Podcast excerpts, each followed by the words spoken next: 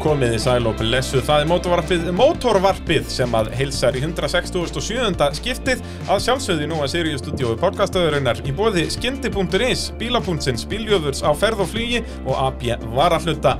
Nú, uh, það var ekkert mikið um dyrðir í íslensku motorsporti núna um síðustu helgi, uh, en uh, okkar allra besti maður, Jakob Cecil, uh, skellti sér það bara til Noregs og fórst að mynda torfærukeppi, kom til samt að blessa það hérna. Blessaður Hérna, þú bara nýkomin heim, hvað, hva, eða flýgur heim á sunnudegi Nei, strax? ég tók bara mánudaginn Ég tek Tókst aldrei mánudaginn. sensin á sunnudeginum Nei, það er stór hættulegt, spurðu bara Hauk Viðar, hann letta einu sinni í því.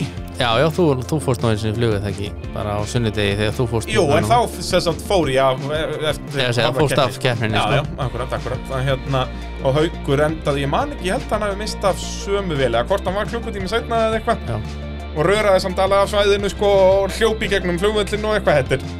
Tómt vesinn, sko, Já, ég- mánudagurinn er alltaf sterkur, sko. já ég nenni aldrei að taka sensin Maður er líka svona fínt að eftir keppni að bara Bara farið på hótel, slaka á og Já. svo bara taka þetta í róleitum á mánudeginum, sko lappa upp einhverja sandbrekkur allan daginn sko að Ég þá segi hýtta það. að hérna bara komast upp á hótel eins og þú segir og fara í sturtu og Já, klippa Og- saman highlights og Klippa eitthvað svona nákvæmlega, vera með puttan á pulsinum Já. svolítið, sko. Það er eina vitið sko og, og, og það allavega voru nú ekki mikið um Íslendinga þarna þannig að það var nú gott að fá highlands frá Jakobi þarna Já, ég hefði nú viljað fá allan ykkur æslendinga til að keppa Já, hvað var að frétta því? Já, það var allir svo svaka peppaðar þarna eftir nesmótið að að Já. fara út og, og fara að berjast bara um Noregsmestara titilin í raun og þetta var eins og við töluðum um í þeim þætti að það var þetta sem sagt bara samtals fjórar keppnir í Mhm. norska mótinu, þessar fyrstu tvær í Hönnefoss, uh, sest, bara ein keppnishelgi en tvær keppnir og svo aftur núna ein keppnishelgi með keppni lögðanda og sunnudag, þannig að fjórar keppnir Þannig að eh, við vorum peppaðar allavega og við heyrðum alltaf sögur um að ykkur rætluðu út og Já, menn voru alveg, held ég heitir margir hverju sko, en síðan alltaf held ég bara Akureyri sko,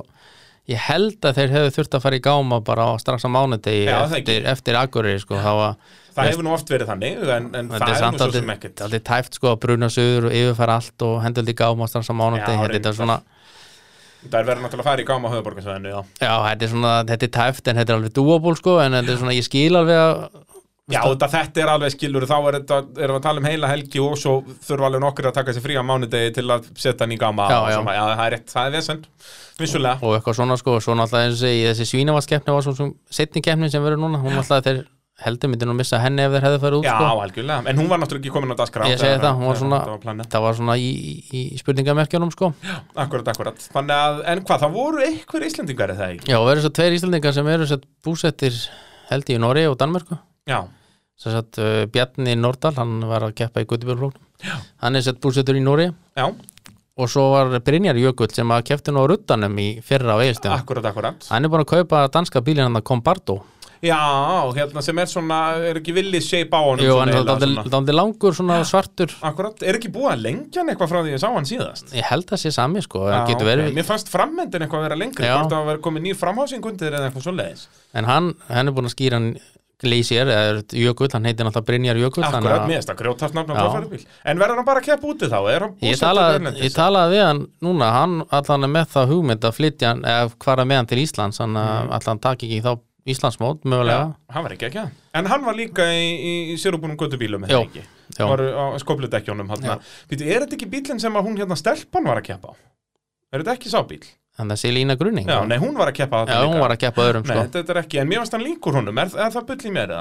Var hann Mm. ekki með eitthvað svona fána og eitthvað á sér núna? Jó, sko, þessi, hann heiti Kenneth Dúluvard eða eitthvað sem var að keppa á honum allan að Hönnufors 2019 Já, ok og er búin að vera að keppa inn okkur ára á honum, sko. Já, að, hérna, en, en það voru allavega þessi tveir, en síðan náttúrulega líka var ekki hann, hérna, Vallir Einnes mættur þarna, hann var að kaupa sér bílið það ekki? Jú, hann var að kaupa þess að Nor er- Noregs mestara bílinn, Já, á honum, hérna, Já, Erik Nilsson. Erik Nilsson, sem var þriðið sér mitt Noregsmeistara titilinn Já. í þessari keppnu um helgina. bara með því að basically bara mæta á þegar Snorri og þeir mæta ekki. Og, og, þú veist, hann þurfti í rauninni bara einhver hvað, Hann var nokkur inn- stig bara fyrir daginn og þá var þetta eiginlega komið. Var hann ekki bara stíu eftir eða tveim stíum eftir snorra eða eitthvað? Jú, ég segi Hann það. verður þurft að reyna bara að mæti fyrstu byrju þá var hann komið með það mörg stíg þá verður hann nóg held upp sko Já, neðu, þú veist, það voru nú einhverjir aðra normenn hann að það ekki. Jú, en maður svo sem reikna ekkert með Nei, nei, en þú Það er- veist, hann var sennilega ekkit orðin meistari Já, það- fyrir já, hann það- allavega eftir fyrsta daginn. ja, Eftir fyrstu daginn þá var það örugt hjá hann sko. En það ekki, hvar var næsti normaður? Var það, þú veist, var næsti maður í stigum, var það ekki bara eitthvað sem var með 6-7 stig eða Ég eitthvað? held að hann hafi verið með Þetta voru allt Íslendingar. Já, ég held að hann hafi verið með áttastig minni mig, Já, næsti normaður, skilur Já, það með já. hann að Erik Nilsson var hvað með 30, 30 og- 29 stig eða eitthvað Þegar Snorri Já. valdi með 30, hann 29 eða 29, Já. 27, ég man ekki nákvæmlega hvernig það var nákvæmlega. Þannig að þetta er, uh, var ekki mikið um keppni Nei. þarna, fyrst að Íslendingarnir ákvaða að mæta ekkert, sko. Já. En, En- hérna, já, þetta finnst mér risa fréttir, er þetta ekki hvað, uh, 169 racing, kallaði eins Jú, og ekki það. jú, Nýtt uh, torfærulið í, á Íslandi, þetta eru feðgarnir er það ekki? Jú. Valur Reynis og, og Sónur hans, Já. sem ég veit nú ekki hvað heitir, Nei. best að hverju á því. er nú ekki sko. alveg En maður, kláðið en að maður fer í About á Facebook síðu linsins, nei, nei, þeir eru eftir að skrifa þetta allt saman Þannig að allir að followa þeim sko á, á Facebookinu og, og fara að pressa á það og koma með upplýsingar um liðið Þeir hafa verið duðlega samt að, að koma með upplýsingar um bílana og eitthvað því að það er alltaf að gerast Já, þeir eru annars satt, með búin að kaupa bílinn hjá Erik og svo Já. allar Erik að smíða satt, eða, hann er byrjar að smíða en hann það eru náttúrulega myndir af því á Facebookinu Já. með þeim. og þeir eru alltaf báður að fara með þá til Íslands Og þetta er sem sagt, sko, þeir voru búin að kaupa grinda þegar ekki hérna á Íslandi hérna, Jú, sem að honum- Sævari Sævar akkurat, sem Þarna. að var á þeitingi áður en að Já. þeitingur var þeitingur Hann hét Bruce Willis. Bruce Willis akkurat, bara hérna 2012 Já, eða eitthvað. 14 eitthvað slags að að var í guttubílafloknum og Mhm. var síðan búin að vera að dunda sér að smíða þennan bíl uh, virkilega flott smíði, Sævar náttúrulega mikill meistari þegar kemur að Ég veit að þessu þetta sé alveg ótrúlega flott smíði sko.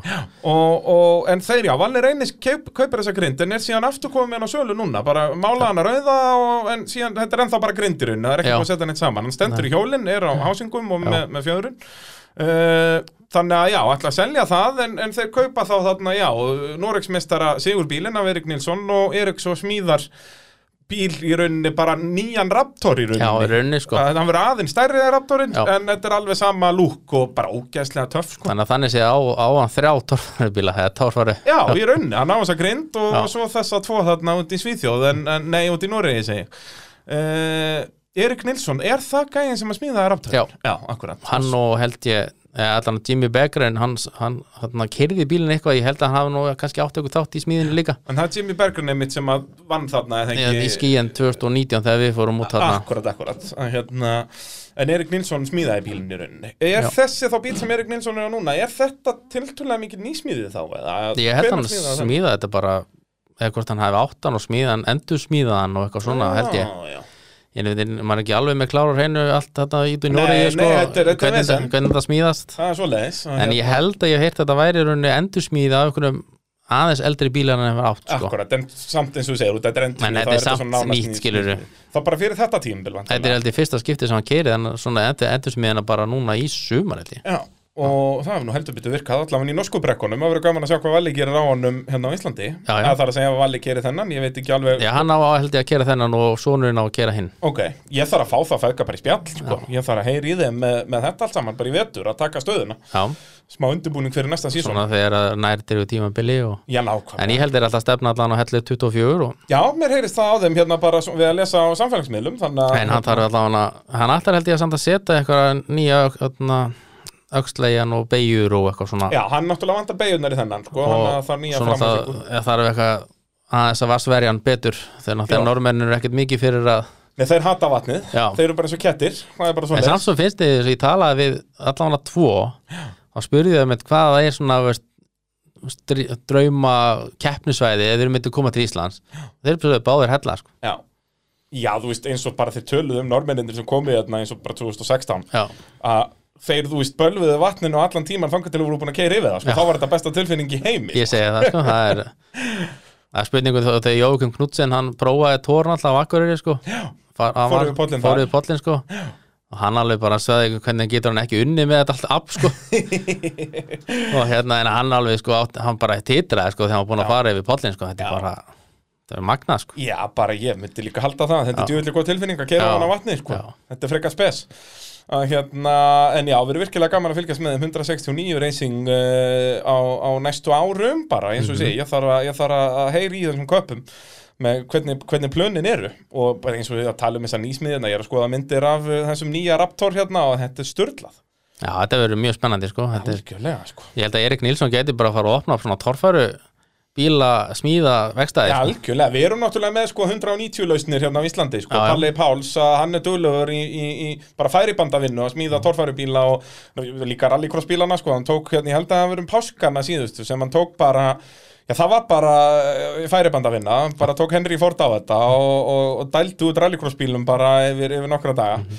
Þannig að, og svo náttúrulega ljónstæður helvíti segir líka, Mhm. Já. sko, þannig að það eru svona þessir helstu staðir, sko. Já, Það er bara þannig uh, En já, Valli náðu nú allan að keira bílinn eitthvað um helgina, ég sá það já hans Já, prófaði prófaði hann hann þarna eitthvað aðeins í, í testbröðinni og svona og, hérna, Þannig að það er allt í toppmálum þannig að hann er... hefði fengið eitthvað kikk þar Já, heldur betur, það er bara svoleiðis uh, Skyndi.is er að sjálfsögðu með okkur uh, fyrir þá sem skipta máli eins og Skyndi.is segja það Þetta eru náttúrulega vörur sem að maður vill hafa en vill aldrei þurfa að nota og uh, um að gera ef eitthvað vantar sjúkrakassa eða eitthvað svoleiðis eh, fyrir heimili sem er náttúrulega allir þurfa að, og svo náttúrulega líka í rallybílinn eða, eða fjallagjöpan eða hvað það er að þá er skyndi.is ánefa e, staðurinn til, a, til að græja það og eru líka með, þess að með áfyllingar og alls konar séróskir eða þú vilt eitthvað ákveðið í, í sjúkrakassan hjá þeirra þá bara getur haft það eftir þínum þörfum ef að það er eitthvað, já, ákveðið sem að skiptir þið meira máli en annað, Eh, en svo náttúrulega líka ef þú ert bara vittlisingur eins og ég að- þá kaupir þau bara eitthvað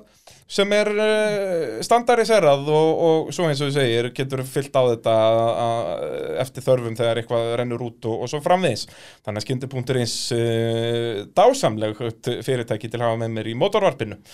Uh, Kanski áður en við tölum um uh, torfærinum helgina, það náttúrulega styttist í næstu torfærikeppniðin á Íslandi, við fengum eina auka svona inn í veturinn. Já, Það er á Svínavatni aftur, já, núna er þetta ekki 16. september? jú, Bara bara svo- eftir tvær vikur Já, nánast. bara ekki núna um helgina heldur Já. Mhm. næstu, það er retnek móti núna um helgina og svo næsta og, og þetta getur nefnilega orðið eitthvað, eitthvað flugvöldasýningin sko, það við erum að fá mikið að nýjum nöfnum hafna.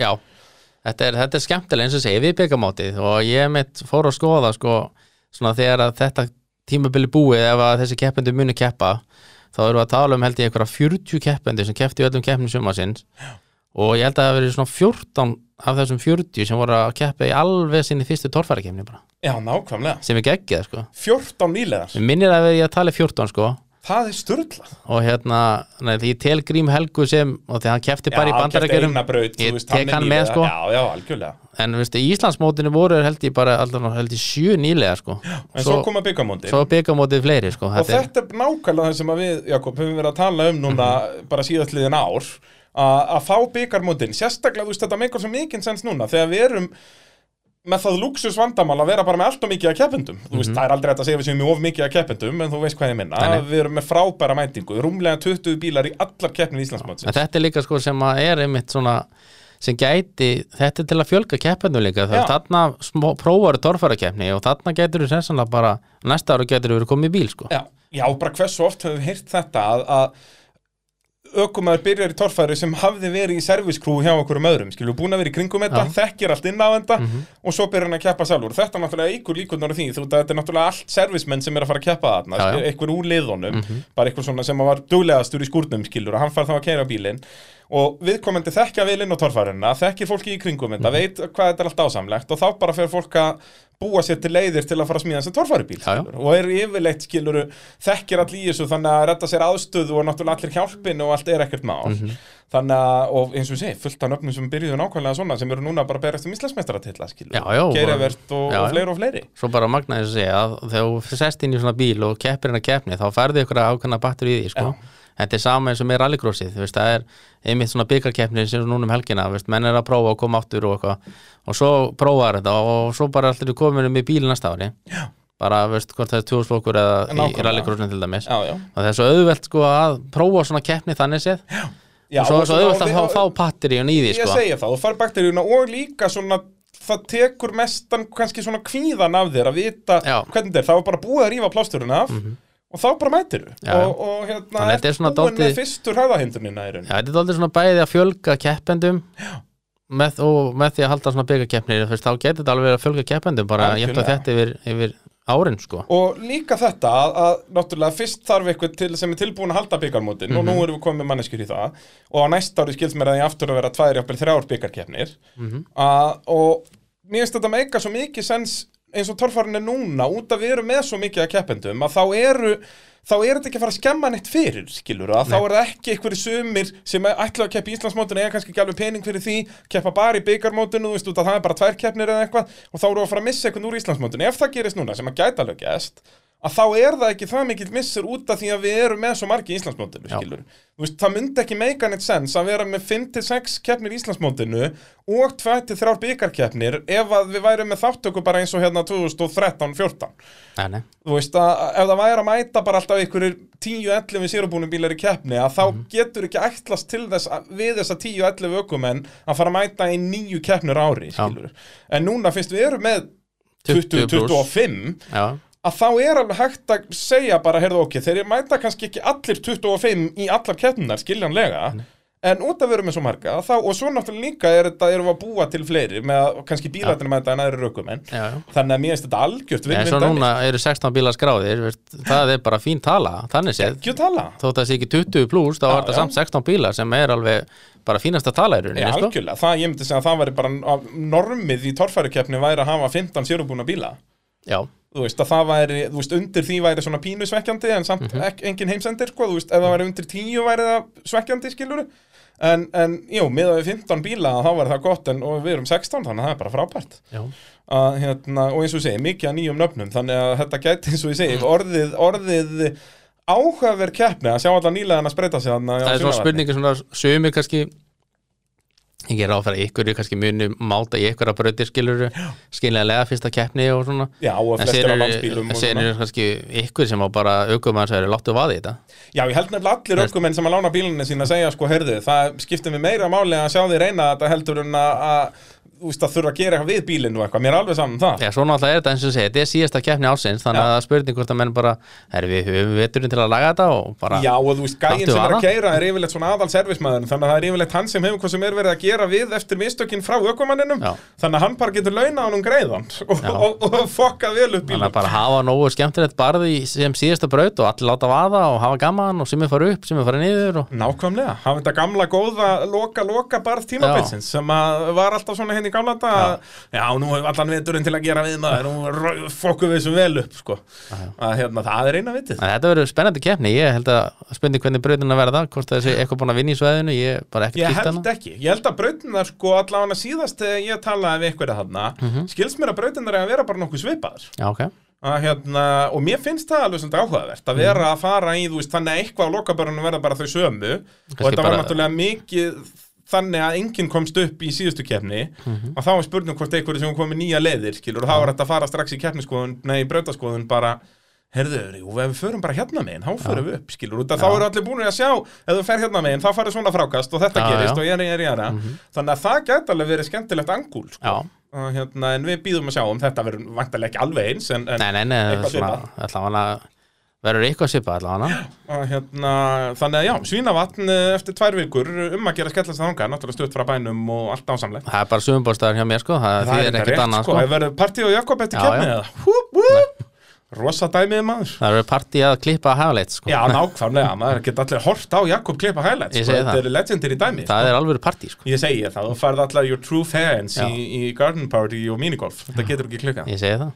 bara bing bara boom Eh, en svo náttúrulega Redneck byggarmótu við þurfum að peppa það líka núna sem að er um helgina eh, dásamlegt mót, það er nú skráning er ekki búin, það eru komin held í núna einhverju 40 bílar skráður, þetta endar ábyggli eitthvað vel yfir 50, Já, með að við að motorsportfólk er yfirleitt svona, svolítið að skrá sig á síðustu stundu uh, skráningu líkur held ég eh, í kvöld, ef þess að þáttur er að koma út á miðvikudegi og eh, já, verður bara veistla Þetta- allir þessi flokkar og, og nýr titill að vinna já, Og mikið að úlingum núna komið upp um flokk, verður gaman að sjá hvort að þúsundflokkun verður alveg pakkaður eða, eða eh, hvernig sem það er. já, já. Og, og eins og ég segja, þetta núlstilla sig bara ef að aukum er náttúrulega lélegt Íslandsmót, þá geta menn rífið sér í gangi í sko. retneknum, Já, já, og nú er Íslandsmeistir- Íslandsmeistarinn móti búið þá nú er það bara eitt sens í viðbót og þá bara láta vaða Og tekja það að keppni, lögða Já. og sunnudag og... og Réttur ringur og ögur ringur og... Já, ef maður fær allt Þetta er bara svoleiðis. allur pakkin sko og hérna eins og við Kristján Einar vorum að tala um í pittnum núna í vikunni að að ef maður svona hefur kannski ekki alveg allan tíman sko, ef maður hefur ekki alveg að fara að horfa þú veist, báða dagan alveg komplett þá er mjög gaman að mæta sko upp á braut bara kljóðan 11 og, og lögða smotni ná svona fyrstu riðlunum og fara svo aftur á sunnundags eftirmyndegi og sjá endin út Já. að það er alveg svart og hvít sko, að bílarnir orðnir ansi lifaðir já, já, og, og svona, já, orðið svolítið beglað og gera og græja, það er oft gaman að sjá svona hvernig, hvernig ökumenn hafa verið að taka á því yfir helgina sko. já, En hérna, já, þetta verður svo allt í beinni á eh, YouTube á Skýrsjö Media og, Já. og svo náttúrulega um að gera mæta bara á staðinn. Það, heldur Petur er bara svoleiðis.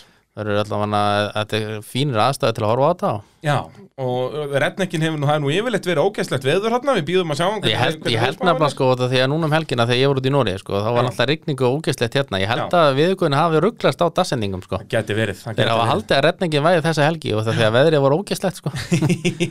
þannig að kannski verður bara gott viður næstu helgi sko. Já, nákvæmlega, já, nákvæmlega. það var geggjað reynda síðustu helgi nei síðustu ári í fyrra, það var geggjað sko, Já, á retningnum og ná, það var náða að vera báða dagana, Já, ekki að það ekki. já. Það er nefnilega sem að hefur bara aldrei nokkuð tíma gest, sko. nei, Það er bara það hefur svolítið oft verið fínt setjindaginn og svo ógeðslegt setjindaginn Já, en nú var þetta bara Og hérna. himnaríkja þarna, já, var þetta himnaríkja báða dagana. Já. Uh, á ferð og flugi er að sjálfsögum með okkur í mótavarpinu ef þú þarft að láta flýti eitthvað landsóðnana á milli að þá geta þeir svo sannlega græja það eins og þið hlustendur góðaður eh, þekkið og eh, eru þeir duglegir að eh, standa að baki á íslensku mótorsporti líka þannig að þetta er alveg hreint ásamlegt fyrirtæki á ferð og flugi. Uh, Jakob, þá ætlum við að tala um uh, þessa keppni í Noregi Já. Enn einn torfærukeppnin sem við tölum um sem að ég veit ekkert um út að ég var ekki á svæðinu eða ekki í beinni og ekkert að, ekkert að frétta þannig að þú þarft svolítið að leiðbeina okkur í gegnum þetta ef við byrjum bara á keppenda fjölda hvað voru margir bílar hann? þetta voru ykkurir hvað, átján bílar held ég Já, allt í allt sem sagt Nei, eitthvað 16, 17, 18 bílar en svo voru alveg 6 bílar með tveimur aukumennum sko. eða 5 eða 6 bílar Já, svo leis þeir voru daldið mikið að skipta Já, þannig að keppenda fjöldi var í rauninni alveg rúmlega 20 já, eitthvað svo leið en sko þetta voru ykkurir, já, 17 Þetta, bílar það voru 8 í gutibílulokki og svo held ég að það hafi verið eitthvað um 8 líka í sérubúna Já, þannig að þetta var eiginlega bara splitta 50-50 já, næstu því sko og þarna er náttúrulega eina reglan þarna er bara sérubunni gödubílar að þeir fara sem sagt eh, Eftir á. bara eftir á í raun, þetta eru sömu brautir og hérna, og hvað var ekki fyrri dagurinn var nú aðeins líflegri eða það ekki, setni dagurinn var svona aðeins rólegri eða hvernig, hvernig fannst þér þetta að vera? eða var það öfugt? þetta var eiginlega bara bæði jafn slæm þannig sé sko já, Var þetta, það er náttúrulega eins og í nesmótinu, þá voru Íslendingar að hjálpa að leggja brautirnar það var ekkert svo það leið var ekkert svoleiðis núna, þannig að er, ert að segja okkur það að norminum er bara ekki treystandi í brautalagningu í torfæru? Nei, ja, svona ég held, sko, ég er náttúrulega með þá kenningu fyrir því í því að þeir vilja bara hafa þetta svona Já, þú meinar og þegar sko þetta normenn eiga það nú til að, að eins og við tölum síðast að ef það eitthvað brotnar þá uh, er þeir bara hættir Já, þeir, þeir eru mjög svona og ég get alveg það er nánast hægt að sko ef að brautan hefði verið allir aksun í fyrsta, fyrsta braut eftir fyrstu brautunum eftir fyrsta dag þá held ég að það hafi verið svona fjóri bílar eftir örugglega bara í Já, það er setni bara partin sko. mjög góðu punktur sko. að það er bara þeir leggja brautinnar þannig að ekkert geti skemmst í bílónum út af því að ef eitthvað skemmist þá nennar þeir þess ekki að fara heim já svona veist, sko eins og einn hérna Madmax eða hvað hann heitir hann hann braut held ég bara öksul í fyrstu braut og hann bara var búinn sko. það er svoleiðis já, ég held að það verið öksul eða, skaf, eða drifskaft Já. og það var það það bara búið er bara að nennum þess ekki hann tók, bæ, tók fór í fyrstu braut á laugardegi, fyrstu braut á sunnudegi báði allan að, allan að var eitthvað brotið að framann, hægra menna framann og hann bara mætti ekki neitt meira, hann mætti bara í þessar fyrstu tvei brautir, eða þess að braut 1 og braut 1, Já. er það ekki að hann var í sjálfskiptingaðinsinn í nesmótinu eða ekki, Ég minni það já hann svona bílinn bara, hann var dreif ekkert eiginlega bara í, Já. hann vant aðeins upp aflið hjá honum sko þá, já, var það aflið, já, já það þetta var ekki svona, ég kalla ég skiptingarnar- kalla þetta alltaf Red Bull bílinn út af því að hann er svolítið líkur, hann er svona Red Bull liturinn sko, Já, akkurat, akkurat að, hérna, Þannig að já, það er, þetta er ágætis kenning að normeðaðurinn er bara leggur brautinnar þannig að það sé ekkert eitthvað svakalega mikið að en skemmast samt er alveg sko, veist, Það maður er hefur alveg séð börn, flott Það er alveg veldu maður er alveg séð aksjón hjá þeim sko, Já. í, á vídeómyndafærin á sko. en ekki það að þessi kenning mín sé eitthvað rétt en, en, En svona, þetta er, þetta er eitthvað, þetta við erum að eitthvað, velta sko. steinum hérna. já, já, Að hérna Já, að það er En þetta er afalega einkennilegt með þá að, að það er bara fyrst þegar við Íslendingandi mætum þarna að þeir átt að sjá því að það er hægt að gera við þessa bíla sko. já veist, eins og veist, það bara, ég held að þurfa bara ég held að þurfa að fara svona 5-6 íslendingar út Já. á norsku keppnar keppninar á næsta ári og bara, og bara rífið þetta í gang og bara hérna, þeir gerir þetta bara svona og svona, svona og svona, og svona þá er allt klárt En líka sko, hversu oft höfum við heyrt þá Íslendinga sem að keift hafa bíl erlendis frá, eða sérst frá Noregi það, er- það fyrsta sem þið tala allir um er hversu erfitt er að gera við þá já, Þú veist, bara, eins og bara gummi á ótiminni tala endalist um þetta, það er ekki hægt að gera við hennan bíl já, já, bara að það er öll röruru fyrir öllu og eitthvað bara, eitthvað basic task bara eins og að skiptum drifskafti fremra eða eitthvað er bara ómögulegt og eitthvað bara, eða hvað það er skilur bara að komast að, þú veist, það er ekki hægt að taka flækjurnar af eða, þú veist, eins og ég segi, bara hvað það er a, a, og það virðist vera svona þema, þú veist, ég hef heyrt þetta frá fleirum með mitt, frá a- að norsku bílarnir eru eitthvað einn smíða en þannig að það er ekki verið að pæla í því þú veist, en ef það þarf að skipta um skiptingu í miðri keppnin, hvað ætlar að gera þá? Já. Þarf að skera þessa stífur úr bílnum eða ætlar að taka allt kramið úr honum eða, þú veist, þeir vilja hafa tíma kannski í þetta heim, bara í heim í Já, skúrnum ég segi það, bara að dúlla sér við þetta heim í Já. skúr, sko uh, á meðan við Íslendingandir, þú veist, við, það er partur af hönnun bílana er hversu, að að hafa auðvelt að gera við Mhm. þá, skiluru bara eins og Halli P. feilað á í rauninu þegar hann kemur fyrst með músón að það var of erfitt að skipta um hluti og síðan bara breytta hann því með árunum og nú smíðum við þannig bíla og það, Já. það er engin með neitt ímyndunarafl og við smíðum bara músón aftur og aftur já, já. en ég segi, þetta var ég viðkynni þetta var ekki skemmtilegasta torfarakeppnina sem ég hef farið á, Já. en torfara er torfara Ég nákvæmlega, og veist, ég sé alveg ekkert endilega eftir því að fara út sko nei, Þú veist, torfæra er alltaf torfæra og veist, bara, náttúrulega, þótt ég tekkinu ekki mikið að normörnum þá er nú félagskapurinn alltaf skemmtilegur hana já, já og stemning og svona og skemmtileg það, heit þú veist, eins og normennir, þeir þekka þig allir er það ekki, Jú, þú ert búin að vera einhverjir, í sko. þessu það lengi þeir þekkja mig eitthvað, Já. allavega eitthvað En það ekki og hérna, en já, náttúrulega leðilegt að fóru ekki eh, fleiri Íslandi þess að fóru enginn frá Íslandi í raun það voru Nei, tveir nei, nei. Íslandikar þarna en bara mm -hmm. búsettir ellendis þannig en ég að sko, ég prófa að skoða brautirnar svona eh, hugunum eftir á, ég held að sko svona cirka sex brautir fyrir utan, eða svona, þetta voru 12 brautir Já. og ef við tökum tíu brautinu í burtu þá voru- veist, þá voru Tíu það 10 brautir ég held að það hafi verið svona 5-6 brautir af þeim 10 sem að Steini Bjarna og Óskar á, á jeppadekkjum hefði örugglega bara getað farið þetta auðveldlega sko.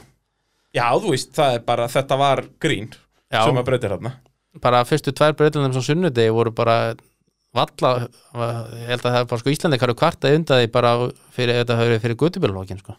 og var ofiðveld fyrir Já. Mhm. guttum en það er, normaðurinn er mikið að vinna með þetta sérstaklega, þú veist, eins og ég man bara eftir keppninni sem ég fór á hann 2019 að það, er- þeir eru mikið að vinna með þetta, það var fyrstu breytirnar bara svona brekkur, Já, ég man að fyrstu þrjár brautina þá voru bara það voru ekki breytir neina þú bara lögavörun sko svo og- kom tímabrautin og svo var enda 15 og 17 þá já, nokkuð góða sko Já, já, og það var svipað á tennum núna að þeir eru einhvern veginn að- einmitt að vitandi það að ef það brotnar öxull í einhverjum bíla þá hættir sá keppandi að þá skal nú e, eins gott að byrja á að fyrstu breytinnar séu auðveldar sko, Já. meðan að við Íslendingarnir sko hættum í þessari filosofíu fyrir 15 árum síðan sko, að svona, allána fyrir 10 árum Já. að að hérna en, En- það, þetta var svo sem alltaf svona á Íslandi ég mann þegar við vorum með 8 keppna brautir Já. neða 8 brauta keppnir segja Já, já, já. að þá var yfirleitt fyrstu tvær fyrir hátegi var bara svona þrautakongur Já, já. einhver, sko. að Það voru hérna, flesti við 600 stig þá veist, eða 580 veist, Akkurat, tók eitt, akkurat. eitt dekka eða eitthvað svona sko.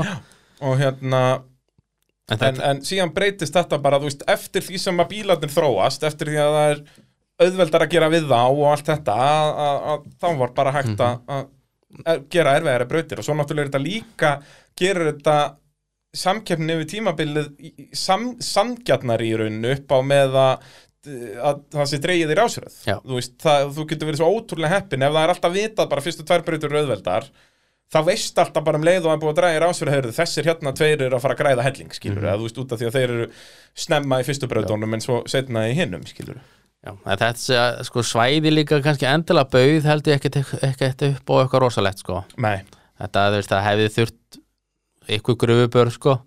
ég veit ekki hvort þeir gerðu það sko, en það hefði alveg þurft að taka ykkur svona, efst, ykkur svona gröfubör svona reyna að hafa gert þetta mjög snemma þannig að þetta aðlagast betur sko. ekki, ekki deginum undan eða eitthvað svolítið sko. já já það er nú þetta- málið með þetta gröfudæmi að það er yfirleitt ekki tími á keppnisöldurum í að gera þetta það var náttúrulega best sko að þú hefur svæðið bara að gera brautirnar bara í mæ og keppni í september, já, eða bara jafnvel fyrr þú veist að gera sérst öll gröfubörun og það allt, þannig að þau ná að veðrast til já. en eins og ég segi, það er nú yfirleitt ekki bóði á mikið af þessum svæðum Nei, þetta er sett sama svæði og við fórum 2019 Já. nema sko lilltumis eins og þegar að gummi flýgur hérna á, á tór Já, það, svo brekka er farin sko já, það er svoleiðis hún er bara, bara farin niður alveg sko Já, já. það svæði er bara farin alveg niður niður skál í sko. rauninu Já. þarna, þannig að voru þið meira bara þar sem pitturinn og það var þá í rauninu Eða það var raunin bara sem að já, pitturinn var á þeim tíma alveg hinum megin bara í byrjunin á grifjónum þar var, þar var raunin keppni núna já, sko. já, bara alveg hinum enda grifjana í Já. rauninni. já, það var ekkert keft þarna á 2019 þetta er Nei. bara, það er bara það sem varst að keira niður í grifjarnar basically, já, raunin þar bara það var svona bara niður, það var bara svona grifja akkurat, akkurat og þeir, þetta er raunni skemmtilegt svæði eða þau myndir bara vinna í því sko. eða bara búa til okkur gröfubörð og leifa því aðeins að, að mjallast svona og þá er þetta alltaf allt í lagi að búa til fína brautir sko. En, en uh, það voru náttúrulega nokkra svona skemmtilegustu bröðna voru þær sem að börðin voru þarna tiltölulega neðarlega Já. og að fara upp í svona einhverja skálar og eitthvað svona dót Mhm. uh, en, en náttúrulega vandamálið er ennþá í þessum grifjum að þetta eru náttúrulega af háar brekkur þetta er ekki alveg af hátt og sem sagt, gömlu skíjan grifjurnar Nei, voru en þetta er svo sem alveg passlega Já, hátt, þú veist, sko. þetta er ekki fáránlega hátt en þetta er samt ennþá, þú veist, þú getur ekki verið með eitthvað hjúts endabar efst í grifjónum út að þetta er allt og mikið, þú rullar allt og mikið niður Nei, ég er samt ekki þarna sko. Ekki þarna, sleppur þetta alveg þarna? Þetta sleppur alveg, sko. Ok. þetta er örugglega bara Það er örugglega ykkur akkur er örugglega herra en þetta sko. Já, það er alveg þannig, Já. ok, já Þannig, ok, þá sleppur það alveg, leikandi að, hérna, að hafa það alveg endabar en þá einmitt Já. þarf að búa þið til út að þetta er bara brekka upphæmlega uh, og það er alltaf svolítið flókið í þessu Mhm. uh, hérna, en það er eins og það er uh, Ef við förum þá kannski létt yfir þetta, þú veist, við förum kannski ekki alveg braut fyrir braut, það Nei, nei. hlustendur þekkja kannski ekki alveg nöfnin þarna og svona, en eins og við sögum á hann, það var það eh, Erik sem að varð uh, Noregs meistari, uh, vinnur hann bara báða dagana? Já, hann Já, það okkur, er svona svona. nokkuð sannfærið bara Hva, hver var þá með mestu samkeppna þarna við hann? eh, þú veist? Það var í rauninni sko, sko Jókum Knútsen var sem var svona flestir ætti að þekkja Já, á hann að svarta, Já, eh, hann alltaf var með að keppa með konunni sinni eins og í nesmundinu. Já, og þannig að hann, veist, þeir eru tveir á bíl það er þessu við oft sagt að þeir eru alltaf tveir á bíl þá er erfitt að vera í baróttum fyrsta seti Já. en hann alltaf var bara einn á sinni deginum en það náða þriða setinu þannig að hann var svo smá baróta sko. og Hvað hérna, ég sá í highlight-vídeónu hjá þér að hann flýgur hérna svakalega, Já, var það hún. ekki fyrir, var Það það var hún. Og, sérstu, rótaðist hún eða? Nei, ég held að þetta hafði, ég, hún slasaðist ekki neitt sko, hún Þetta mætti í hún er næstu alveg, brautu. hún, hún reyfi sig ekki Já. eftir þetta. Ég Það er held að þetta alveg, hafði bara verið nett sjokk bara sko já, svoleiðis, en það var þetta ekkert smá flugmaður. Var, þetta var fyrir daginn. Já, Og, Nei, ég held að hún, hún var þannig að kerði í brautunum eftir á sko Já, en keppi sig hann ekki setna daginn eða? Nei, en ég held að það, sko, það hafi bara planað, ég veit það ekki sko Gæti verið. En nefn hún hafi fundið fyrir ykkur, ég er Kanski þegar hún vaknaði á morgunin, þú veist Já. að adrenalín er náttúrulega ótrúlega Já. hlutur, sko. Að En hérna- ég held að það hafi verið meira sjokk bara þegar hún lendi Ég allavega hann hún labbaði út úr bílum sko Nei, þetta var bara svakalegt að Já. sjá, út af eins og hún reyfur ekki vöðva, sko. Já. Að, það er allavega anstæðan við það ef ég fæ sjokk, Já, já, þá verði brjálaður, sko. já, já, já. En hérna, já, þetta leit allavega ekki vel út þarna á En þessu það var, myndinni þá, frá þér. það var allavega helst fr- sá bíl og svo var náttúrulega Thomas Löfskóen á Dusty Chicken Það er hérna þessi hergræni með Já. gu- gula veltibúrið, eða Hann það kom til Íslands nú hvað 2018 á Nes Já, akkurat. en hann var í smá vandræðum eins og sviðbjörn vandræðum hann var í Hönefoss Já. og bílinn vildi ekki bara, ég held að hann vildi ekki taka nýtró eða eitthvað svo leis Já. En hvernig voru keppendur án almennt? Þú veist, hefði þetta verið alveg eins og í nes? Bara hefðu, ef þau hefðu verið með tíu Íslendinga, hefðu þeir verið bara í top 12, Já. basically. Já. Það var bara þegar það var ekkert að frétta á námið Já sko, það hefði bara verið Erik Nilsson og svo reynda Löfskó en síndi alveg sína fína takta sko En var kannski ekki alveg nógu konsistant. Nei, hann var í smá vandræðum öðru hverjum í bílinn hann var eins og nýtró vildi ekki koma inn og svo allt innu kikkaði þetta inn sko Já. Og það er alltaf vesen að keira þannig ef þú getur ekki treyst bílinn. Já, en ég veist, eins og ef allir helstu íslendingar hefði farið þeir hefðu eins og á setni deginu þá var uh, Kevin Fossen þeir eru sem sagt, feðgar þarna Sónur Já, var eru að þeir hann á nummi 46 að Þarna- sem skrifa stórt á hliðina? Nei, það er þetta Devil X Það sko, er hann var Ah, Devil þarna á, á hérna hann er mér svona held ég að hann hafi verið með Volvo-vél eða eitthvað var Já, ok. Er hann var það hann svona turbo, götu, eða? svona götubíl svona, hann var grára litin hann, Já. hann kom nú eins og til Ísland sko Já, er þetta ekki sem er núna komið með rautveltibúrið það ekki? Jú, Já, held akkurat. Sem er svona lítill villis, já, basically. já, En samt grindabíl, náttúrulega. þess að Kevin Forsen og Roger Forsen Já, akkurat, akkurat. Hann kom ynda til Íslands, Já. alveg rétt, alveg rétt. En núna er búið að mála grindina rauða. já, en hann er ennþá En þetta er að- hvítgrári einhvern veginn Já, á svona litin bara álitaður einhvern veginn. þá og var svona, sem sagt pappans, eða pappin var að keppa í sérbónflokki og sonun í sérbón og Já, guttubila já, já. já. og voru bara á hérna, En samt- skóplautakjánum sko. Já, og há, sem sagt, sonurinn hann var með fullt úr stiga á setni deginum eftir, eftir hérna, að fimmbröðir já. en síðan sem sagt, kom pappans og braut öxul Aha. og þá náttúrulega þurfti hann að fara með brautina, í brautina með brotin öxul og fekk Já. bara eitthvað tíu stiga eitthvað þannig að hann var mjög nálægt fullt úr stiga alveg sko. En það segir nú líka til um hversu slappar Já. brautinnar eru, Já. sko. Ef menn er að fá fullt úr stiga, þú veist, maður á í rauninni ekki að vera nálætt í, sko. Bara Nei. það ef þú kemst allar brautir sest, á lengt, finnst mér eh, bjánalegt og hvað þá Mhm. Já. að gera þær ef sér laust, sko. Já. það er bara vitlega eins og Palli Rolla náði þessu nánast, þarna í Hunnefoss Já, það var bara tímabrautin, Já. Mm. hann fær full, fullt úr stiga í öllum torfærubrautunum og hérna, eins og ég segi, sem er bara fáránlegt Já, sko, maður sér ekki mikið um 350 stík í keppnunum á Íslandi en samt eru menn að klára brautina, sko Já, ég segi það, og þannig á það að vera Veist, það, eins og segir, það var bara ein braut í Íslandsmótinu sem enginn kláraði, það var önnur braut á, Ey- nei, fyrsta braut á Egilstu Er það svoleiðis? Akureyri Kláraði kláraði, annars alltaf allavega neitt já Það er þetta magnað En síðan í Svínavatni þá náttúrulega eh, komu já. tvær brautir þar sem að- en það er ekki hluta Íslandsmóti Nei, nei, akkurat En það var bara þessi eina braut sem enginn kláraði Það Og klár- samt fengu öll þessi til þurfist Þarna aftur kemur að vera með rúmlega 20 bíli í öllum kefnum Já, Há endanum kemst ykkur upp og þú segir að það voru held ég einhverja 80 veltur eða eitthvað í Já, sumar ég segi eða það, það eitthvað, var ekki eins og börðin hafi Nei, nei. verið oferfið, veist. Nei, skilur nei, menn voru alveg að klára, sko Það er eitthvað, þetta er geggjast Já, Mhm. allt að sé að allir komist allar brautir fyrir utan hann eina en samt vorum við með þú veist, ef þú horfir á bara highlight-vídeón frá þér yfir tímabili myndur þú segja "Herra, þetta er alltaf verið að brautir já, en það statið sem er heldur betur ekki og við einmitt, ég man að, veist, í sumar erum við búin að fá núna tjöfulli margar brautir sem er búin að vera nánast í þessi fullkomuna braut sko, Já. ef við tölum um þetta að fari bara kannski 1 til 4 upp Mhm. að við erum búin að fá ansi margar þannig já, ef þú skoða samt líka brautinar þá er, þá er þessi braut sem var, enginn fór upp þá er þetta braut sem að Já. mér myndi ekki þetta í huga að vera enginn myndi fara upp, sko Nei, það var, hún- eins og þú segir, af öllum brautum í á Já. tímabilinu að það er ekki, ekki margar sem að og eins og, já, þetta var einkilegt hvernig þetta er þegar þeir eru í hliðarallanum að taka hægri beigju og eiga Já, að fara upp já. og, og þeir eru alltaf alltaf nokkrir Mhm. en já, þeir eru líka nokkrir ná afturhjólunum næstu því í gegnum hliði, Já, sko og voru finnur held ég og allir voru mjög nálægt því að fara upp, sko Þetta er svona bar sem hafði þurft örlítið meiri hraða þannig Já. fjórunarkerfið negliðar upp á sko en ekki eins og ekki með Bjart- frákast. Bjartþór sko flög, hann flög náttúrulega bara sko til hliðar, sko Já, í rauninni en, Þannig en, að hann er með réttir stefni og réttan hraða þá myndur þú fljúa hann upp sko. Já, algjörlega, en það er bjútið við þetta, Já. já, þetta er, þetta er magnaður djöfull uh, Já, það voru sama tímabrautin báða dagana, en það var nú ekkert að stoppa keppið og það var alveg nóga tilþrifum í þessari tímabraut Já, svo finnst mér eitt magna eh, eins og kannski menn sem- sem hafa síðið hælætsvídeó þá velti Jókum Knudsen í tímabreyndinni maður sá það alveg greinilega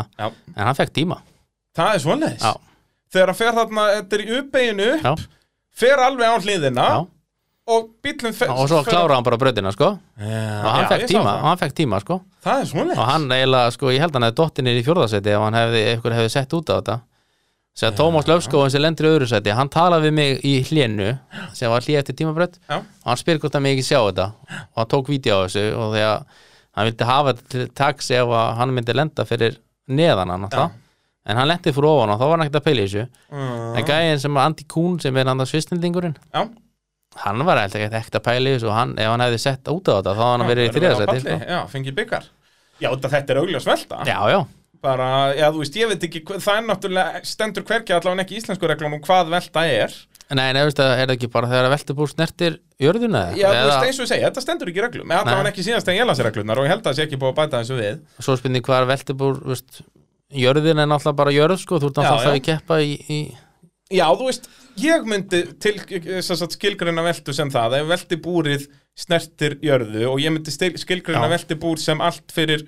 ofan sem sagt, það, það sem er bert Já, já. ekki, þú veist, hliðarnar á bílnum sleppur mhm.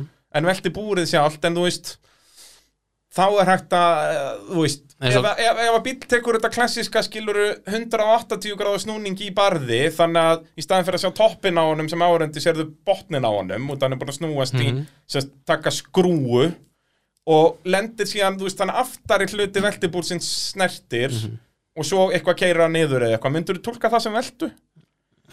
Þú veist, þá snerti veltibúrið Já, Þú veist, þetta er alveg umræða sem þarf að taka skil, Já, út af því já. að að mínum að þið þarf það að vera út af því að það stendur í reglum að tilrunni braut sér lokið við veltu þá finnst mér að það þurfa að skilgreina hvað velta sé Mhm. Já, ég er bara eins og Gulli Helga þarna á Akureyri, hann veltir Nákvæmlega. og nær að bakka sig út úr þessu í rauninni Já. bara eins og, eins og morsutrökkbílarnir gera bara nákvæmlega, og Já. var, var það velta þá eða þú veist, Já, ég held að hann hefði verið rauðflaggað þarna sko Já, já. hann veltir hvort er lengra en hann var fekk raunin þá ekki 40 mínus fyrir bakki sem hann raunin bakkar akkurat og Þetta þú veist, er- og síðan, þú veist, þessi bílar eru orðnir þannig að þú gætir mögulega að bjarga þér og veltu með að standa hann í fullri beigju þó að þú veist, apósturinn af veltibúrunni sé að snerta, skilur Mhm. bara fremra hotnið á bílnum Já, þú veist, þá þú gætur og síðan náttúrulega líka eins og brautirnar eru, þú veist, það gæti verið að sé bara eitthvað barð þar sem að vissulega er það þá veltibúrið að snerta, þannig að þú veist, það er ekki nóg að myndi, það væri ekki nóg að skrifa í reglurnar bara ef veltibúri snertir heldur þyrfti það líka að vera eitthvað en ef aðstæður eru þannig að það sé brekkan frekar að snerta veltibúrið frekar en þú veist Já, já. þetta er- er flókið sko. Þetta er mjög flókið sko Að, hérna, en, en ég hef alltaf mjög gaman að þessu ég hef alltaf gaman Já. af reglum í torfæru og, Já. og ég reyna að lesa þær yfirleitt fyrir hvert síðan að bara stúdera þetta skilur ég er svona þannig pervert sko en, en það verður eitthvað að vera í því Það er náttúrulega suma reglunum þurfum stundum bara að skrifa réttar algjörlega Það er hægt og að- Mhm. ég hef alltaf haft mikla skoðanir á þessu skilur að vera, þú veist, minnst þetta alltaf orðað einkennilega til dæmis bara með refsingarnar Já, með að, að ég held að sé ennþá skrifa þannig eins og ég segi, ég las reglunar ábygglega síðast fyrir þremur árum síðan, tveimur, þremur árum að með að, að ef að tvö dekk eða þrjú dekk snerta stiku bara, nei, það er ekki þannig nei, það er, nei, þú veist, og ég, það er ekki gefið refsing þannig, ég hef alveg séð það, ef að bíll er að fara beint upp brekku, sem sagt beint í áttan hliði og ytri bani á framdekki snertir stiku og þar með afturdekki ytri banin og því snertir stikunum líka, hún er náttúrulega búin að detta þannig að hann ekki beint snertir, en Já. þú veist hvað ég meina Mhm. þá eru tvö dekk að snerta stikuna og þú færst samt ekki 40 mínus fyrir það, Jú, það ekki ekki alltaf Nei, veistu, það ætti að vera þannig ég veit það, en þú Já. veist Já, þetta er það, þetta er flókið, sko Já, þetta er- getur sko náttúrulega þessi blessaða bakkregla sem er ald- aldrei að Já, vera það vitlaus á er líka alltaf, sko. alltaf, við erum alltaf á breytinni Við Já, erum já. alltaf að skiptast á hvort að megi bakka endalaust eða bílengd Svo væri náttúrulega bara best bara, bara þú mátt bakka bara eins og þú vilt Já. Hækka refsinguna kannski Já, Mögulega. þú veist, ég náttúrulega, ég var mjög ásamálaðin þegar að stikurefsingin var breytt þannig að það að taka stikundið miðanbíl og bakka en samarefsingin. Ég fíla það ekki. Nei, Að ég vil að sé, ég raunir mér alveg sama hvort væri meira en að annað væri meira þannig að þetta væri alltaf aukumæður þurft að taka ákvörunum Já, já. skilur, þetta mér stað mjög áhugavert í torfærunni að þegar aukumæður þarf að taka Mhm. þú veist, og maður hefur séð, þú veist, aukumæður eins og Gíslaki og Ólabraga og fleiri vera bara fyrir framann barð og maður veit að hann er að hugsa um, heyrðu, ætti ég að bakka eða Já. Mhm. ætti ég að reyna að taka stik og þú veist, allt þetta sem mér veist fascinating við, Já. við, við torfæru uh, en þetta blessaða bakka er náttúrulega bara þannig að þú veist, þetta er náttúrulega auðvöld fyrir dómar og bara þú mátt, þú mátt bara bakka Já, Þú veist, ef þú bakkar bílinn þá þarf að mæla þannig séð, þú veist, já að kíkja algjörlega nokkulega og, og, og það er bara, ég svo- bara til vesen og drama Svo náttúrulega bara að bakka næsta hliði en þá þurfum náttúrulega brautinir að vera þannig eins og fyrsta braut á Akurri til dæmis þá er sko faraður upp, upp hérna og svo taka ringin uppi og koma niður sem sagt, þá er hliði, við hliðin á endahliðinu Já. og þau eru bara hliðið hlið en þú fer upp í endahliðið hvað máttu bakka langt? Ef þú máttu bakka næsta hlið og það hliðið er við hliðin á Já, þú veist hvað máttu bakka langt? nákvæmlega Máttu bakka þá alveg niður eða Ég þess vegna finnst mér að það eða að máttu reglan- bara, máttu bara bakka pínu pons Já, og þau máttu það er bakka hliðin á 30 cm Já. þetta hliðin er þarna Já, þú veist, ég er samanlega þér að miðast að það ætti bara bakka það bara Já, bara veistu, gera það sem þú vilt eina sem er bara að þú er að vera inn í braut og þú mátt bara bakka einu sinni á milli hliða veist.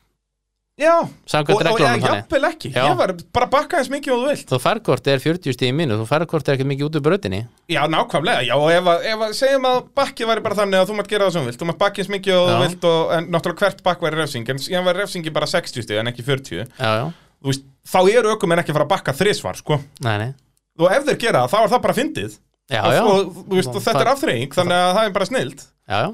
Ah. Veist, að, og því að sko það, það er líka bara dettur út allan þessan vafa veist, að eins og, eins og segir, menn voru eitthvað ásattur akkur menn voru að bakka langt sem menn sumi voru að gera en, Mm. veist, þetta er náttúrulega bara svo erfitt að Já, ég, þetta er bara versta ákvörðin sem dómað þarf að taka Já, þetta Bara er, bara, gíska þetta er eitthvað á rosalega erfitt kól hvar línan byrja nákvæmlega sko, og þegar menn eru kannski bara fara í Síðan bara er að menna bakka, þú veist, í fullri beigju og Já. eitthvað, þú veist, hvernig ætlar að meta þetta? Já, veist, þetta er rosalega erfitt kól og veist, bara þeir hafa gert margt mjög gott náttúrulega bara að dæma þetta Já, algjörlega, þessi dómarar eru náttúrulega einhverja maskinur sem Þú eru veist, með að, sko. að bara að taka ákvörðum bara 1 og 3 á, á svæðinu sko. og líka geggja að við erum nánast alltaf með sömu dómar Já, Ég elska það og það er eitthvað sem verður líka að vera svolítið að upp á consistency, sko. Mhm. Já. það væri agalegt ef það væri með, þú veist, sex mismunandi dómarasett, sko, Já. Mhm. út að það væri þetta náttúrulega, út að þetta er svo mikil tulkun, mm að eins og bara hvernig reglunar eru orðaðar, sem er mínum að þetta er ekki Já. orðaðar neitt sérstaklega vel, já, já, að þá er þetta bara svolítið að dómarinn tólkar þetta eins og hann vil og Mhm. þá er svo geggjað að vera alltaf með, er þetta ekki alltaf gunni trúður hann aðal dómari Jú. og, og, og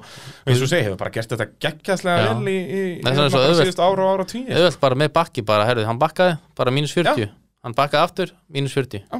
veist, og, og svo bara, Bara ef hann ekkert heldur vesen. áfram veist, þá og var svo þetta bara ef hann bakkar fimm sinnum, þá bakkar hann bara fimm sinnum Já, já, þá fær hann bara, veist, en þá er hann Alltaf. væntanlega að reyna við einhverja hindrun og það er það sem gerir torfæri skemmtilega Já, Mhm. þegar já. einhver reynir við einhverja hindrun og þá bara geggja og þá, þú veist, eins og líka finnst mér bara ef að einhver örar í eitthvað endabarð kemst ekki upp en, mhm. en veltur ekki 100% leifunum að bakka allalegina niður og fara aftur já, já menna, veist, þetta er í rauninni bara að næsta hlið en þá er náttúrulega eins og að segja, ef þeir breyta sér reglu í næsta hlið þá er náttúrulega þurfa kannski mögulega þá að breyta hans brautunum Já, upp á, ég, ég, ég vil bara ekki sjá þetta næsta hlið en Nei, það er ég- náttúrulega líka ef að þú Nei, nei, nei, það væri þá ekkert þannig að þú getur ekki fengið refsingu fyrir það hlið Þú ert bara búin að fara í gegnum en það síðan hlið getur náttúrulega ef þú gefur mig þannig að bakka næsta hlið þá getur keppnis eh, sem brýti brautina náttúrulega bara sett, skilur hérna rendarlið bara uppi Já, svo getur bara sett hlið aðeins neðar já, og þá náttúrulega getur ekki reynt aftur og þú mátt bara bakka að ég man því að hliði. þeir voru mikið að vinna með þetta hérna í svona í kringum 2015, 16, 17 já, já. að þá voru nánast öll endahlið voru með einu svona 200 stegna hliði rétt fyrir neðan eða Já, 250 þannig stegna að þú hliði getur rauninni átt bara eina tilurinn sko, Já. sem að er sem að er líka fascinating sko. gaman sko Já, já. og, og, og hérna sem sagt, gerir þetta meira krefjandi og, og margir á þeirri skoðun Mhm. Já, að Mhm. já. að bara gefa ökumunum eina tilraun skilur og þá er mitt er þetta kannski ekki jafn sexy að leifa þeim að bakka aftur og aftur Já, og já. aftur uh, en að mínum að finnst mér það en þá kannski ætti líka að vera meira refsing fyrir bakkið sko Já. að út af því að þarna ertu mögulega að græða 100 stig og að fá aðra tilraun, ætti það bakkið að vera þú veist 70 í mínus mhm. en þá er 70 í mínus fyrir eitt bakki eitthvað stærri miðurbröð voru djúvillig dýrt já, já, og þá getum við flækt þetta ennþá meira sem við viljum náttúrulega alls ekki og hafa þetta þannig að ba- eitt bakk, sem sagt, ef þú bakkar bara bílengd eða undir bílengd, þá er það mínus 40 og þú bakkar meira, þá er það 80 ég sé það Þú það er veist, náttúrulega þá- mikið þá myndi það ennþá borga sig já. að ef þú ert handvið sem á komist upp í annari tilraun þá getur þú bakka meira í bílengd og farið aftur já. upp, þú veist.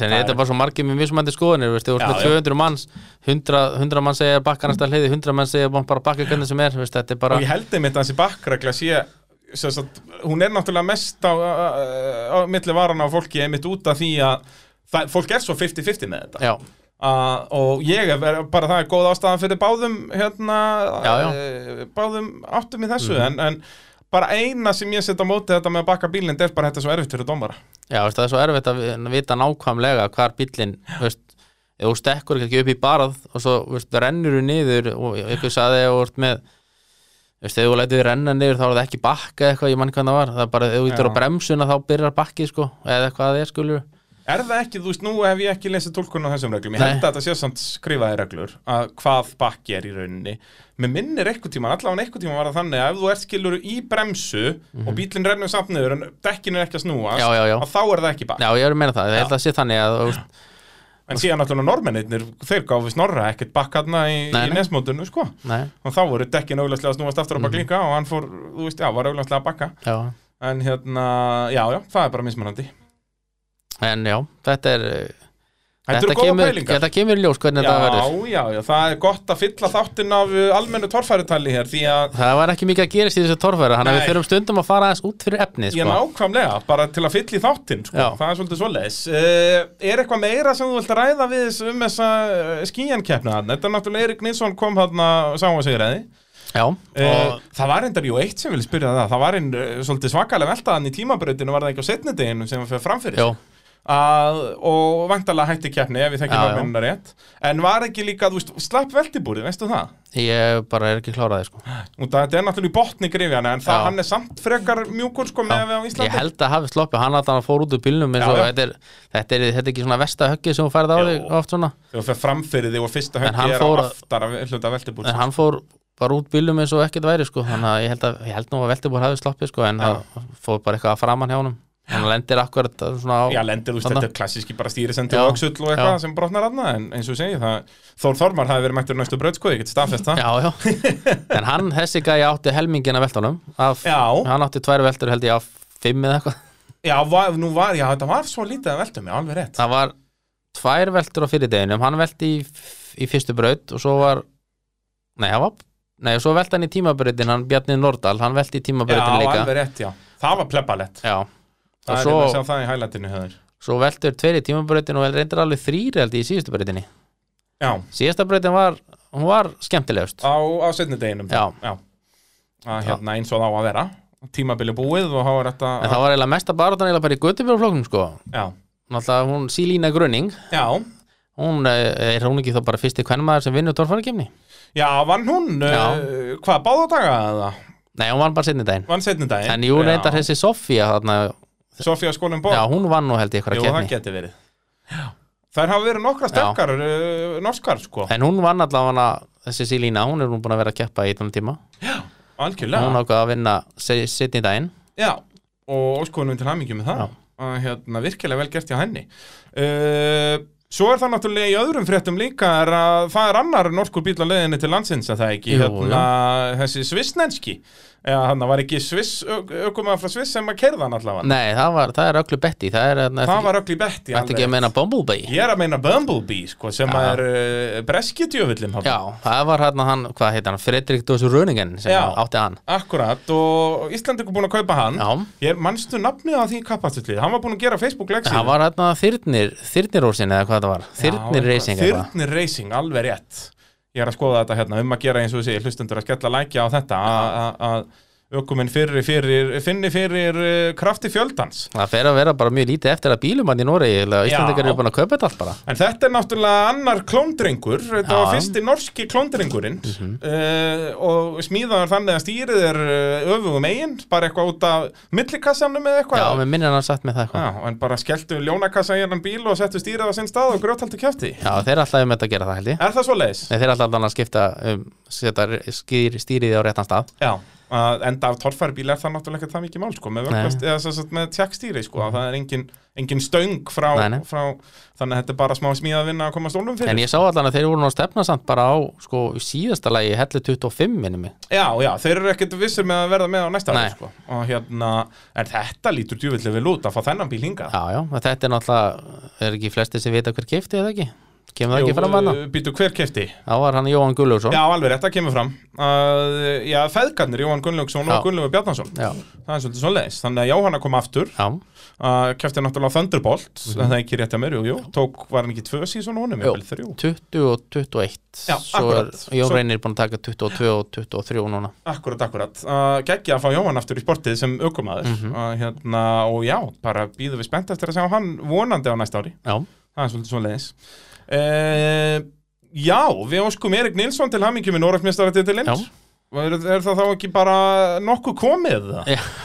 Hvað Já. Ég, þetta er- er eitthvað styrst af umræðum torfarakeppnum sem við tapt held ég Já, um torfæru keppnina, Já. sko. Að, hérna, en við höfum náðum bladra um alls konar annað en, já, heilengi, já. sko. en þetta var svo svona þú veist, þetta er fínasta keppnum svo sem þannig ég ætla nú að reyna að vera jákvæður í þessu ég er Já, alltaf þú- jákvæður Já, ég veit að þú ert alltaf jákvæður. Það er skellur. Ég er, að- ég er að reyna að þjálfa þetta úr þér, sko. já, ég þótti ég sé búin að nú vera með mjög neikvæður manni í stundum í, í rallinu sko Já, það er sko sæmi reynir ofta náður á jörðina sko. Já, en þá- Þið eru mjög góðir saman nefnilega sko. Já. Þá náðu að halda mér algjörlega leveliðum já, sko. ég er nefnilega oft, oft fengið frá hann djúlertir jákvæður maður Já, já, alveg bara, ó, það er, líka, það er fátt sem ég elska meira heldur, en þú veist eins og núna er allir Reykjavík þegar við vorum, nei, jepparallinu segi ég Já, já. þegar við vorum saman í bíl í þrjádaga streitt, shit hvað það var gaman við Já, þurfum að já. gera þetta oft, við þurfum að fara bara í helgarferð eitthvað út, ég segi það það þið mynduð sko taka early morning og, og svona fram að setningpart væri þið að túristast eitthvað, færi í einhverja göngu eitthvað og vesannast, menn ég væri þunnur ókislegur á herbygginu, svo Já. myndi ég bara hitta ykkur setningpartin, byrja að helli mig aftur Það verður svo to- farið þið upp á hótel þegar ég er honum það þöglumæltur það er ekki hægt að vera í kringum mig ég held að það væri það verður mikla- nefnilega sko, það verður torfari í bandarækjunum 25 hef ég heyr sko, við Já. tökum við tökum við rótrippið þangað sko Heyrðu, það er enda rétt, þetta er negla sko. já, þetta er það sem ég kjóðum að kalla bara negla í sal þetta verður eitthvað búm shaka laka maður, það ég get ekki beðið því eins og ég segi, þið eru náðið að halda brallanum í fullkomnu jafnvægi já, Jakob að drepast við ákvæðni og Sæmundur ekki að drepast við ákvæðni Já, þetta er gott gópa sko Þetta er gekkja kombo, sko. það er Þannig að- bara nákvæmlega þannig Þannig að, ég, já. ég get ekki beðið En já, þetta var bara Svo sem, já, að næsta ári Þeir segja alltaf að hafa sjö keppnur á næsta ári þannig að, Já, Og þeir ætla að reyna að samrama keppnur Þannig að það verði ekki Reykist ekki á keppnur þetta heima já en hvað ef þeir ætla að vera með sjö keppnir úti þá náttúrulega vantalega get Ísland ekki, ekki tekið allt mótið Nei, nei, en ég En- veit að Hönufoss er alltaf búin að sækja um Nes, sko Já, en er þetta ekki að róterast þetta ekki alltaf? En ég veit ekki hvernig hvort að það verið samþýtt eða ekki En hérna En þeir ætla að taka þess að Hönufoss Og svo verður skíin Já, Og svo verður hérna er, Hef ég heyrt að þetta verið eitthvað mísin keppni eitthvað ok, Það er eitthvað rétt á Oslo ok og svo náttúrulega verður, er Rattvík þannig í Svíþjóð, það verður hluta á Noregsmótinu næsta ári. Já, já, já, þannig að þetta mun hen, en það heita Noregsmótið en verður meira svona Norðurlanda Já, og það er náttúrulega, þá förum við á Klassik Karvík í, í Svíþjóð. Já, Við skellum okkur þangað maður. Herðu, ég gæti samt ándjók skellt mér þangað út að ég náttúrulega núna er komið vinnafólk í Svíþjóð Já, já. og ég veit að það og vinafólk fórum mitt á Rattvik festivali núna sko. Já, þetta er alveg þremur tímum frá Stockholm þannig að þú ert safe ég veit að það er nefnilega bjútið við þetta þetta er bara sko einum og hálfum tíma frá þar sem þetta fólk býr sko. Já, það, það er hann á mitt á milli Já. sko. þannig að þetta er ekki in the series of a thousand cocks sem er Nei, mjög jákvætt því að kokkolmurinn er helvíti á jörði þannig er bara staðan uh, já við getum þurft að Mhm. já, skoða þetta svo er eitthvað vatnana þeir er alltaf, ég held að ég, ég veit að Þór Þorma langar að fara Já, bara með það er bíl. yfir þetta vatn. Þeir Já. hafa nokkur sem eru reynda en komast aldrei allar leið yfir. Nei, nei, þetta er eina skipti sem að normenn og svíjar fara í vatn Já, og það er þarna á e, e, drukna yfirleitt. Kannski er það þess vegna sem það þarna vatnið, sko. Já, Það er komast aldrei yfir þetta sko. nei, ég held að þurfa bara að fá smá inspiration frá Þór Þormar og félögum og, og, Þór og, og, þess að kalla þangað maður að og sína leiti yfir þetta allt saman sko. fólki, sína þessu fólki hvernig á að gera þetta. Já, Það er bara svo leiðis. Nú þetta var að sjálfsögum allt saman í samstarfi við eh, bíljöfur og bílapunktin. Þið þekki það hlustendur góðar ef þið eru í vandræði með mekanikar hluta bíl ykkar. Þá skellið ykkur upp í bíljöfur í Kópavægi en síðan ef þið eru með eitthvað tjón, eitthvað beglur og þarf að sprauta að þá er það bílapunkturinn í Reykjanesbæ sem að græja það fyrir ykkur. Eh, Nú ef þið viljið græja þetta allt saman sjálfa þá er það sjálfsögum bara að bíða varahlutur út um land allt.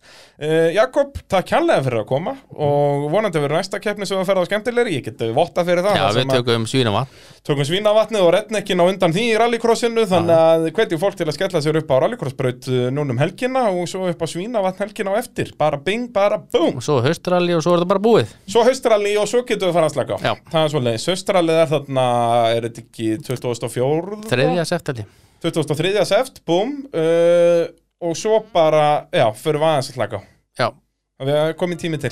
Takk fyrir að hlusta, elskulega fólk, og við heyrumst aftur í eh, næstu viku. Ú, þá ég jafnvel með að ég ger ykkur þann greiða að vera með tvöfaldan þátt. Já, eftir, a, eftir að ræða það, en, en það gæti verið, gæti verið.